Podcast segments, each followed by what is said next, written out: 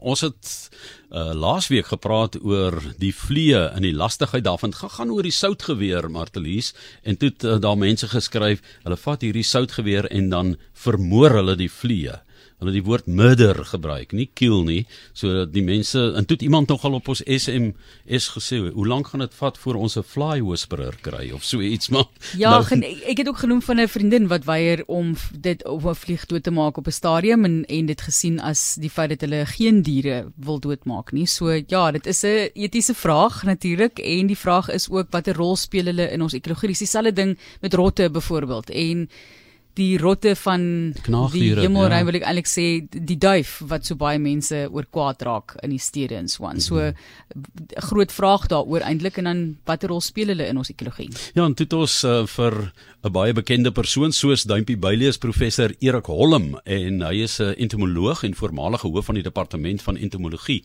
aan die Universiteit van Pretoria genader en um, ek dink hy gaan vir ons dalk verras met 'n paar dinge oor die vlieg want nou moet ek sê jy kry sulke lui stadiges dan kry jy brommer dan kry jy sulke lastige vinnige vliegies. So uh, professor Erik ek dink um, daar moet seker 'n verskeidenheid van vliee wees nie waar nie? Ja gen genoeg ja en dis uh, nog al 'n bietjie van 'n probleem as jy oor vliee as sodanig praat want uh, ek skat ons het dalk so 10000 spesies hier ja dit is uh, hier in Suid-Afrika alleen, hè. Is daai nou, is is daai spesies diversiteit een van die redes hoekom hulle so gehard is of hoe? Nee, nee, nee, kyk as spesialiste, 'n party van hulle skaars is 100 tonne en uh, moet eintlik beskerm word. Anderster is natuurlik peste soos die huisvlieg of die stalvlieg of uh, die steekvliee. Ek meen dis nou goed wat van mense mense nie so baie hou nie, né? Mense praat ons maar, altyd van die rol in die ekologie. So die huisvlieg, is daar 'n spesifieke rol wat 'n huisvlieg speel? Jy gee my nou déjà vu. Want in in die 40 jaar wat ek op radio die mense se vrae beantwoord het oor die natuur, né? Was dit nou gereelde vrae? Dan sê die ouens, nou, "Wat is die nut van 'n vlieg?" Nou met die implikasie, as die ding nie 'n nut vir 'n mens het nie, dan is hy nou maar eintlik useless, né? Dan dan hoef hy nou nie daar te wees nie. My my teenvraag was altyd wat wat is nut van 'n mens? En dis 'n baie embarrasserende vraag want ehm uh, as jy nou reg daaroor dink ons ons uh, maak ons mis weg ons maak ons lyke weg ons gun die natuur absoluut niks hè. Ons maak geen bydrae nie. Ons vat net. En vliee maak ten minste 'n bydrae aan die natuur né So ons is die waarskynlik mees nuttelose nuttelose spesies in die hele ekologie, né? maar maar die die huisvlieg nou, die die rol daarvan, wat wat doen hulle? Breek breek hulle iets af of wat? Eintlik ja, nee, hy's 'n mensvriend want uh alle verrottende goed vreet sy maaiers en verteer dit. Nou, wat sou gebeur as hulle dit nie doen nie? Dan sou daar miljoene meer kieme uitgebroei het in dieselfde goed, né? Hulle vat eintlik die afval voor die kieme se bekke weg. En dit uh, maak dan 'n uh, baie laer uh, kieme en en spore van bakterieë belading in die lug, né? Want hulle maak net eenvoudig skoon. Hulle skoonmakers, né? Soos klein uh, aasvoëls, kan jy maar amper sê, né? Ja.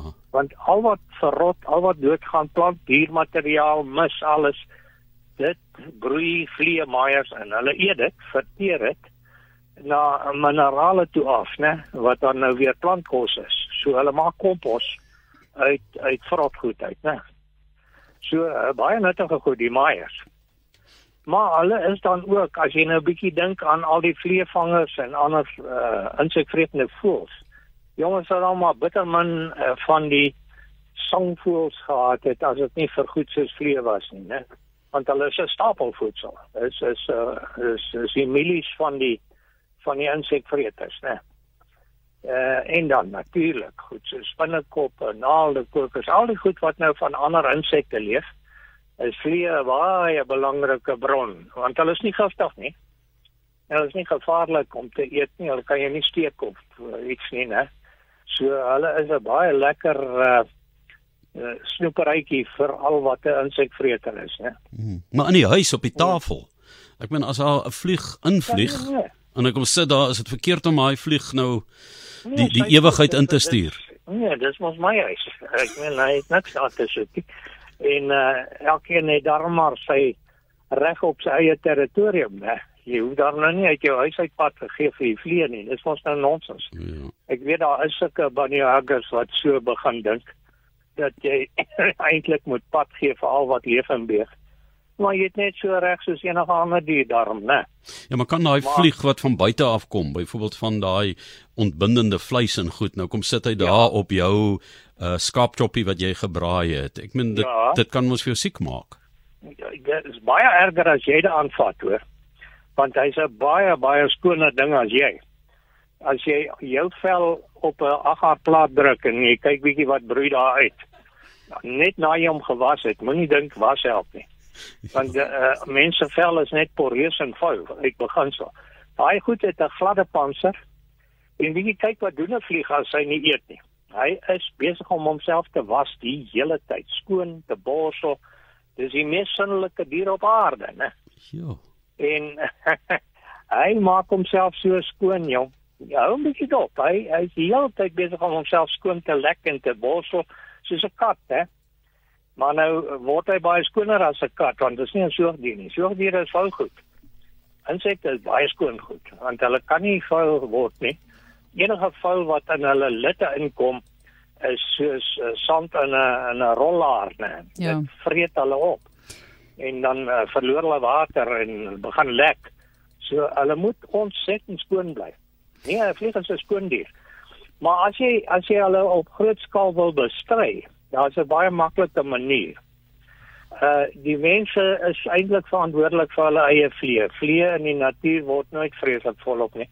Hulle sal 'n karkas uh sal daar miljoene in natuurlik uitbroei, maar hulle is net so vinnig weer weg as daai karkas droog word, né? Maar as jy uh, 'n klomp afval uh, produseer, organiese afval. Uh dan uh, moet jy dit nie net op 'n hoop gooi. Dit lyk nou baie uh, of klink baie goed om 'n uh, komposhoop te maak, ja en so aan. Maar dan gaan vlieë uitbroei, né? So wat jy moet doen, jy moet moet dit op 'n sement op 'n metaalblad doen en 'n voetjie rondom maak en daar moet jy water inhou, liefs met 'n bietjie seep. Want die vleemaaiers broei nie in die in die vuilgoed uit nie, hulle broei in die grond onder dit uit. So as hulle nie kan in die grond inboor nie, kom nou op die sement of op die op die blik of wat ook al, dan gaan hulle kant toe. En dan val hulle in die water voetjie en versuip.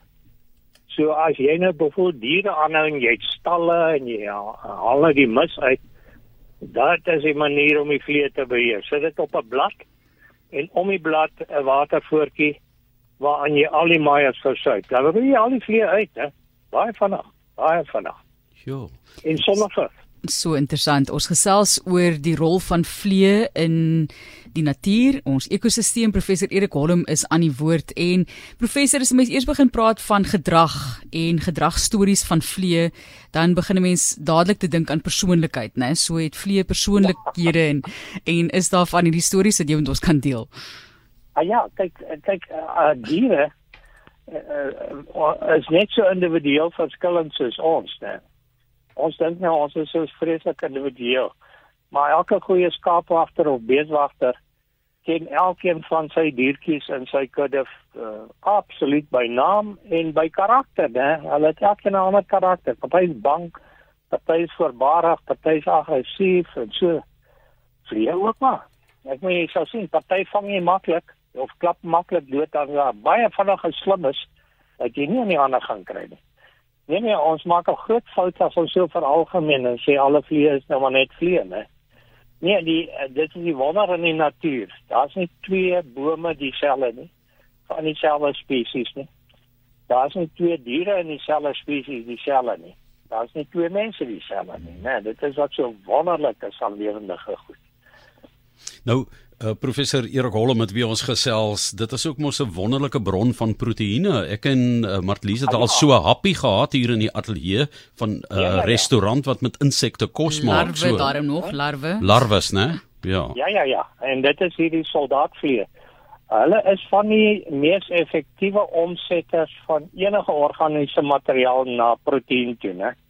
En natuurlik as hulle dit gedoen het, dan is dit skoon proteïen, né? Dit is soos 'n kreef of wat ook al. Uh, dis 'n baie of 'n termiet of 'n spankaan baie eetbaar, baie goeie en eintlik is insekproteïen 1 en 'n half keer so voed, uh, voedsaam soos rooi vleis of soos vis, né?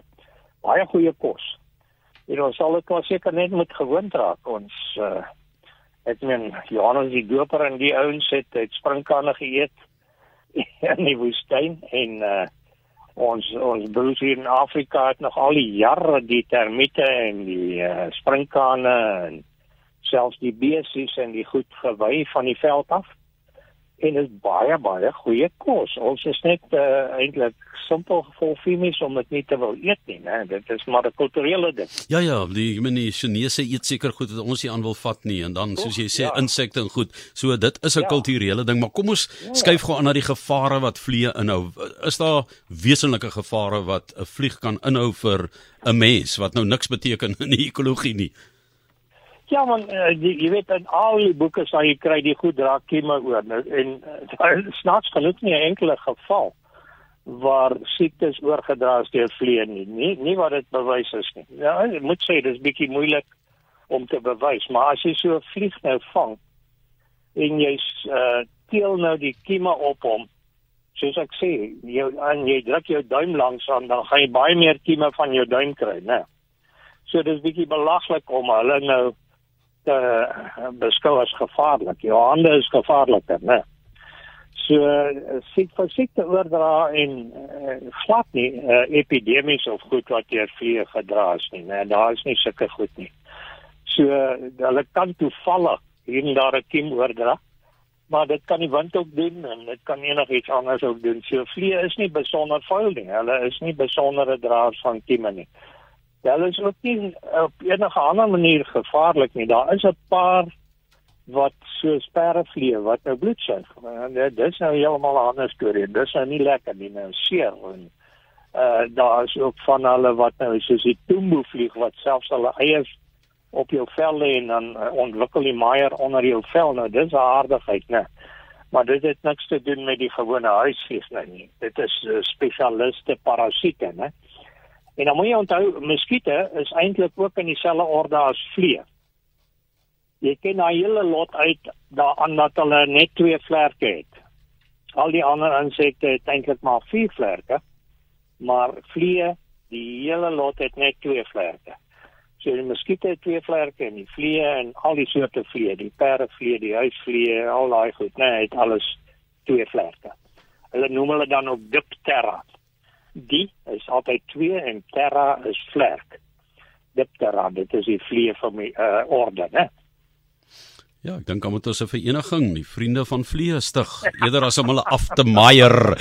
Baie dankie aan professor Erik Holm. Hy's 'n entomoloog en voormalige hoof van die departement van entomologie aan die Universiteit van Pretoria, want ons was baie baie bekommerd oor die vlee wat jy afmaai in jou omgewing, maar nou hoor ons jy mag daarom jou plek vol staan Martlies en die vlieg het niks te doen in jou kombuis nie so gun dit nou vir jou as mens om dan nou vliegvry daar rond te beweeg en uh, die vliee uit te dwing uit jou huis uit.